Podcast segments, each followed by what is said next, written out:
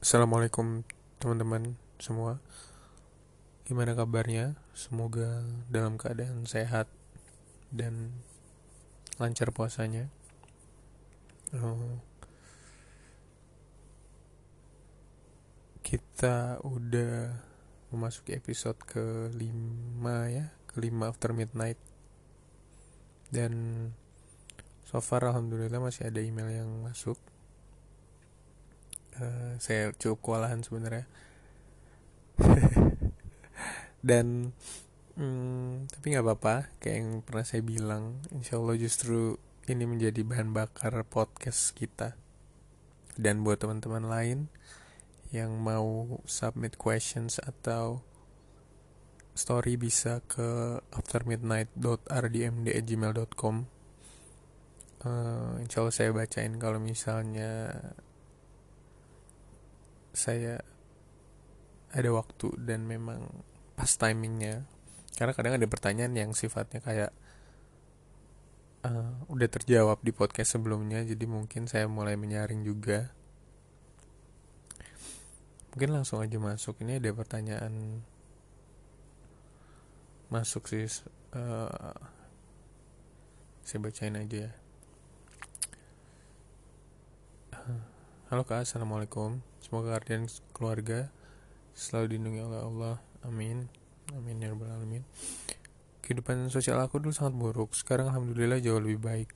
Karena aku tahu nggak enaknya sendiri, aku berusaha berteman sama teman kampus yang penyendiri. Awalnya sih baik-baik aja, tapi makin lama semua hal dikeluhin. Bener-bener seenggak penting tong sampah yang gesernya nggak jauh-jauh amat dari tempat biasanya dikeluhin sama dia. Tugas ngeluh, panas ngeluh, hujan juga ngeluh apa pun itu dia selalu lihat celah yang bisa dikeluhin. Teman satu kelasan aku terutama yang satu cycle juga satu circle kali ya. Satu circle juga udah capek banget dengerin keluhan dia. Aku udah nyoba pelan-pelan nasehatin tapi dianya cengengesan terus ngulang lagi. Satu sisi aku nggak mau ngerasa sendiri tapi sisi lain kalau dia ngeluh terus ngaruh ke mood sama energi aku baiknya aku gimana ya kak Hmm, yang pertama gini, kalau misalnya kita memang sudah menasehati, coba dulu gitu. Itu memang jalan paling aman ya. Maksudnya kita menasehati teman kita dan jangan lelah gitu menasehati. Cuma teman-teman, uh, nasihati itu nggak selalu by apa ya? Kita ngomong gitu, kamu jangan gini bla bla bla bla bla. Oke lah, mungkin itu step one. Tapi ketika dia lalu kita coba lagi kedua kali ketiga kali dan dia tidak apa sih istilahnya? Dan dia tidak uh, ngereken ngegubris. Maka uh, ya, ya ada beberapa hal sih yang bisa kita lakukan. Kayak ya misalnya kita menunjukkan bahwa kita nggak suka setiap dia ngeluh dengan entah itu ekspresi kita atau kita stop omongan dia atau gak kita coba ganti topik gitu. Dan ketika memang itu nggak berhasil ya coba diemin. Uh, tunjukkan ketidaksukaan kita akan hal buruk yang dia lakukan gitu loh. Jangan kita eh, nggak uh, suka tapi ya kita tidak menunjukkan perubahan gitu loh. Jadi kayak kasarnya kayak uh, eh, gue tetap lakuin ini pun lo tetap sama aja gitu loh. Jadi sehingga kayak mungkin orang itu merasa unnecessary gue berubah buat apa orang nggak ada yang mau gue ubah kok. Tapi kalau kita mengcreate uh, situasi di mana yang dia nggak suka maka dia akan berusaha mengubahnya gitu loh. Ini kan sekarang kita nih yang nggak suka tapi dia fine dengan itu fine dengan mengeluh misalnya. Sekarang kita coba ganti situasinya. Gimana nih supaya dia tahu gue nggak suka dengan apa yang dia lakukan. Misalnya itu kita harus tegas. Tegas itu bukan keras ya bukan kasar. Tapi ketika memang kita nggak suka kita harus tunjukkan nggak suka. Dan menunjukkan nggak suka itu bukan berarti kayak harus teriak dan marah-marah no. Tapi ya kayak kita bisa bilang pelan-pelan aduh gue capek nggak bisa dengerin keluhan lo. Misalnya setiap dia ngeluh atau aduh ganti topik dong jangan ngeluh terus. Uh, negatif jadinya bawaannya gitu atau ke bawah. Dan itu dan sebenarnya ya balik lagi ya kalau misalnya kalau saya pribadi sih teman yang buruk itu saya maksudnya gini saya akan menyaring teman-teman dalam hidup saya nggak maksudnya kalau kenal oke okay lah fine. Tapi untuk teman yang saya eh, jadikan apa ya yang saya memang interaksi dengan mereka dalam hidup saya maka saya nggak mau ambil pusing. Kayak kalau memang ini orang membawa dampak baik buat saya eh, maka saya akan apa ya istilahnya punya effort lah untuk menjaga orang itu. Tapi kalau enggak ya saya lebih baik kasarnya lebih baik sendiri gitu daripada ribet sama hal-hal yang emang kayak gini. Semoga menjawab. Oh dan saya ingin mencoba menjawab lebih singkat karena kayaknya saya nggak tahu mungkin kalau terlalu banyak banyak yang bosen juga. Jadi we'll see. Seberapa singkat saya bisa jawab jawabin Assalamualaikum. Ini ada pertanyaan berikutnya. Assalamualaikum warahmatullahi wabarakatuh Waalaikumsalam warahmatullahi wabarakatuh. Nama saya bla bla umur bla bla. Saya mau tanya Kak, menurut Kak Ardi apa bedanya curhat sama gibah Kak? Terkadang kalau mau curhat itu rasanya cemas gimana gitu Kak, takut kalau gibah. Terus kalau misal kita curhat sama orang tua apa salah Kak? Kata orang sih jangan curhat sama orang tua karena udah sibuk dan lain sebagainya. Menurut Kak Ardi gimana? Terima kasih Kak. Ya, kalau misalnya kayak gini jangan merujuk ke menurut saya ya. Kayak gibah itu kan udah ada pengertiannya dalam Islam. Kamu bisa cari yang jelas gibah itu bahasa Indonesianya hmm, seperti menggunjing ya kan ya? Dan banyak sekali uh, larangan atau ancaman bagi orang-orang yang menggunjing bagi orang-orang yang punya prasangka buruk. Walaupun gibah ini bukan fitnah ya jadi maksudnya kalau fitnah tidak benar gibah ini benar gitu loh. Misalnya ada si A dia melakukan sesuatu memang benar fakta nih orang melakukan sesuatu jadi kita nggak fitnah nggak berbohong atas nama dia gitu. Dan kita bicarakan ke orang lain misalnya. Jadi intinya ya gibah itu semua uh, tapi ini eh, makanya harus cari sendiri sih. Dan saya saya rasa saya rasa saya bukan orang yang tepat untuk menjelaskan secara rinci ya. Uh, kalau kalian um, memang benar tahu ada di buku Riyadus Solihin itu ada penjelasan soal gibah. Bahkan dijelaskan gibah seperti apa yang dibolehkan gitu. Tentunya dengan syarat dan ketentuan yang tertentu. Tapi intinya kalau kita ngomongin gini kalau kita ngomongin orang walaupun tuh orang gak ada tapi kita ngerasa nih kalau gue omongin nih orang bakal tersinggung. Maka itu udah termasuk gibah sih. Kalau ada orang di samping kita ini orang yang kita omongin ini di samping kita nih. Terus kita ngomong sama orang lain. Kita pikir nih orang bakal tersinggung nggak kalau dia di samping kita? Kalau iya maka ya hati-hati. Bahaya itu.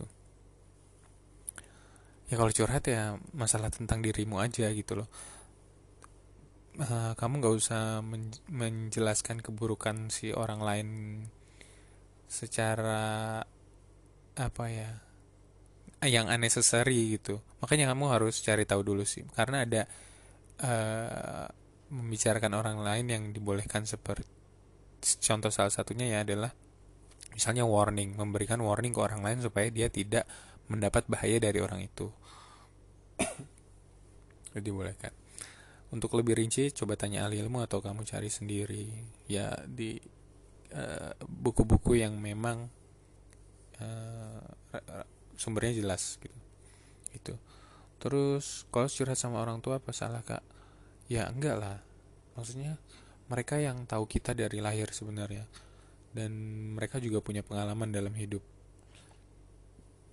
Uh, it's a good consideration sebenarnya kalau kita punya privilege untuk kita dekat sama orang tua dan kita bisa curhat sama mereka.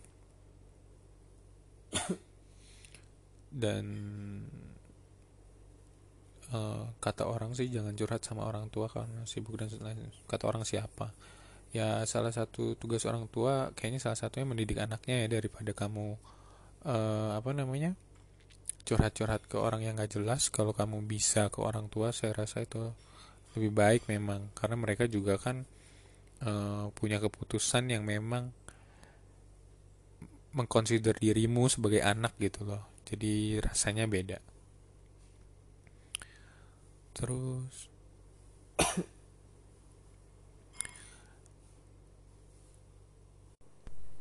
ini ada lagi Aku mau minta pendapat kak, aku salah satu orang yang mudah banget memasukkan omongan orang ke dalam hati dan pikiran. Hal ini sering banget terjadi saat kumpul sama teman-teman.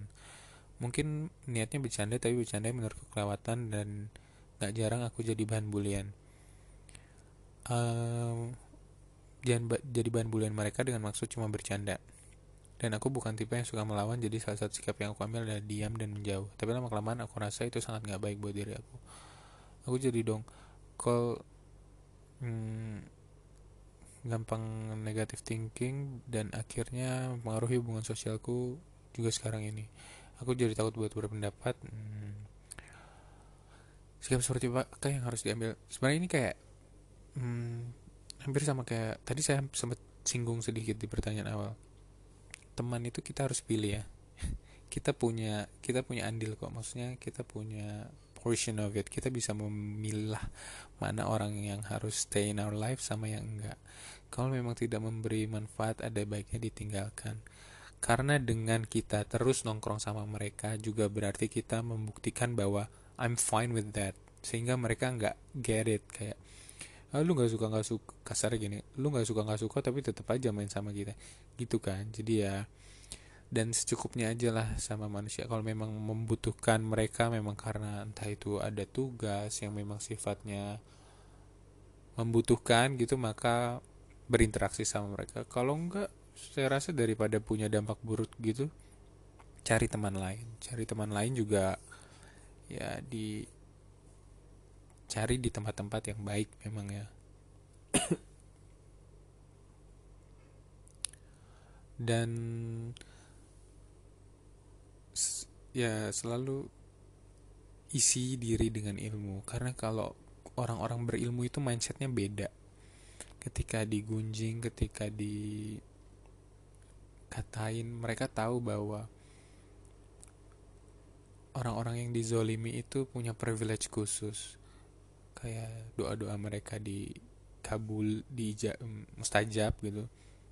Lalu juga uh, uh, jadi kalau kita punya ilmu tuh kita nggak mikirnya soal perkara dunia lagi gitu. Semua jadi apa ya beda.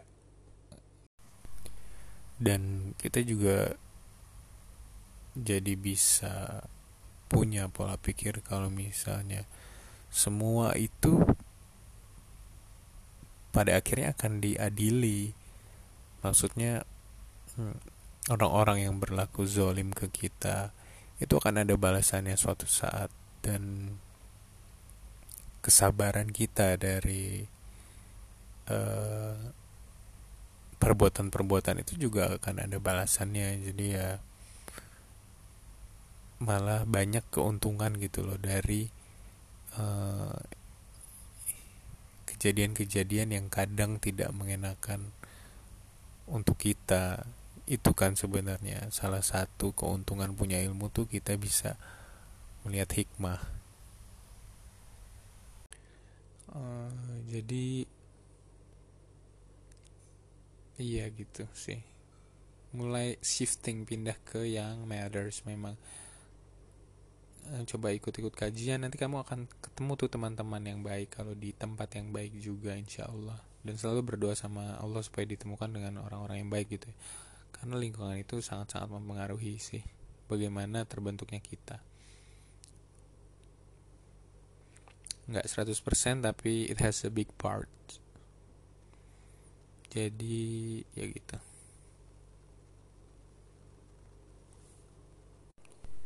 Nah ini ada pertanyaan lagi.